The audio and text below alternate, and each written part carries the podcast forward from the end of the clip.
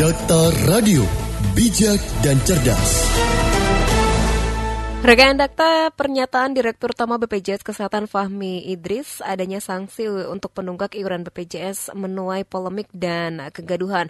Ombudsman menilai hal itu telah mencabut hak konstitusional rakyat. Kami akan membahasnya bersama anggota Ombudsman Republik Indonesia Alamsyah Saragi. Data Radio, bijak dan cerdas.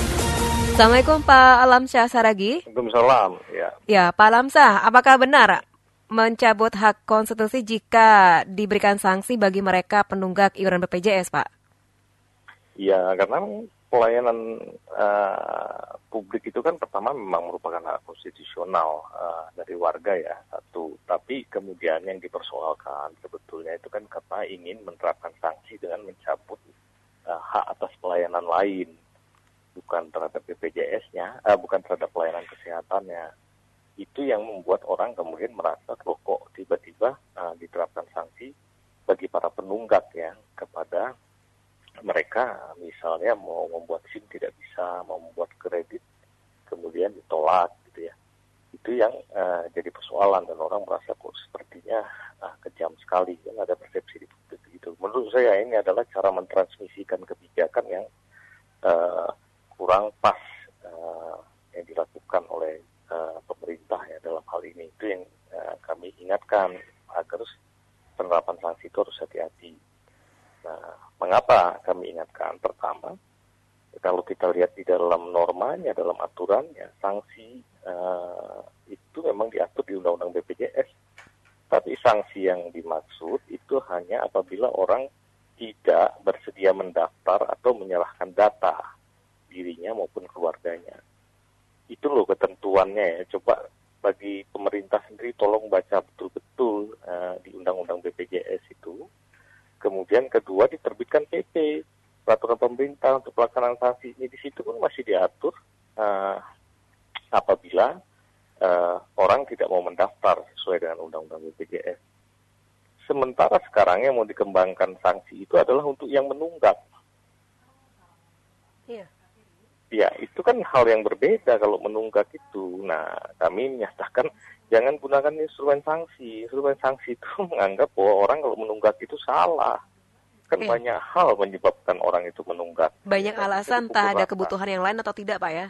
rata. Iya, apa pun tidak bisa diterapkan sanksi gitu ya. Nah, maka eh, kemudian keluarlah argumen negara lain juga begitu. Menurut saya negara lain tidak begitu. Nah, kalau mau eh, yang diterapkan itu biasanya kita sebut dengan administrative default. Apa itu?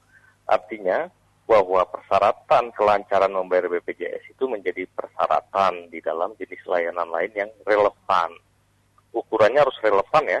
Iya. Nggak bisa misalnya ditanya tunggakan eh, BPJS ada nggak, kemudian orang mau bikin sertifikat ditolak nggak bisa karena nggak ada relevansinya. Mhm.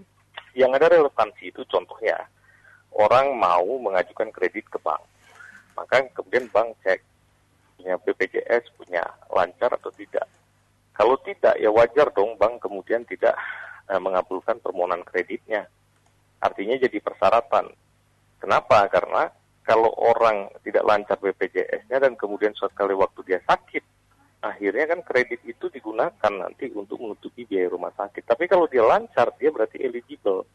Artinya kalau kalau dia kemudian sakit, dia bisa menggunakan fasilitas BPJS tanpa harus mengganggu modal kerja yang diperoleh dari kredit tadi. Itu eh, yang namanya administrative default itu.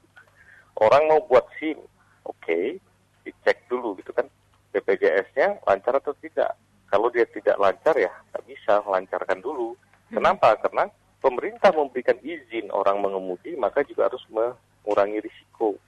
Kalau dia punya BPJS dan lancar, kalau dia ada kecelakaan, sakit, maka kemudian bisa menggunakan BPJS. Sehingga izin itu diberikan kepada orang yang risikonya minim. Jadi memang ada relevansinya. Tapi kalau untuk layanan-layanan tertentu yang tidak ada relevansinya, tidak bisa diterapkan administratif default. Mhm. Apalagi mau menggunakan instrumen sanksi yang menurut saya secara undang-undangnya juga keliru. Kira-kira begitu. Iya. Pak seharusnya kalau untuk yang nunggak tuh apa sanksinya Pak yang tepat istilahnya agar mereka Oh, kita ini ini loh kita ini senang sekali ngomong sanksi. Bangsa ini jadi bangsa penghukum gitu ya. Iya. Apa dikit-dikit sanksi Pak ya? Iya, kita ini senang menyiksa orang. Jadi jangan salahkan kalau kita memilih pejabat yang juga menggunakan cara-cara begitu nanti ngamuk gitu. Jadi tidak semua harus. Iya, ada sanksinya ya. Sanksi. Ya kalau dia menunggak kan harus dicek kenapa dia tidak bisa, men kenapa dia kemudian menunggak.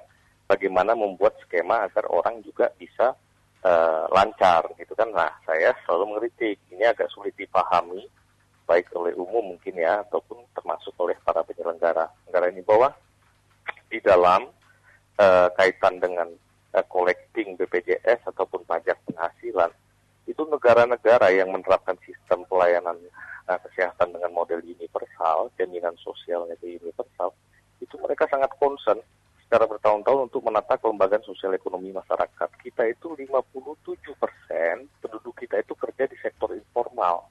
Mereka ini rentan dan mereka tidak terorganisir dalam satu kelembagaan sosial ekonomi. Kalau di luar sana orang tergabung dalam kooperasi, kalau di petani, pedagang juga, sehingga SHU dari kooperasinya itu dipakai sebagian untuk membayar jaminan sosial. Iya. Mereka jadi mirip dengan saudara-saudaranya yang bekerja di sektor formal. Kalau di perusahaan kan orang dibagi dua tuh, sebagian dia tanggung, sebagian perusahaan yang tanggung toh. Nah, kalau yang mandiri yang sekarang mau dikejar-kejar dengan sanksi istilahnya itu, mereka kan bayarnya lebih besar dari orang yang kerja di perusahaan. Sudahlah saya bayar lebih besar, kok kemudian sekarang uh, saya malah dikejar-kejar, gitu kan? Itu yang, yang kemudian membuat orang merasa diperlakukan tidak fair.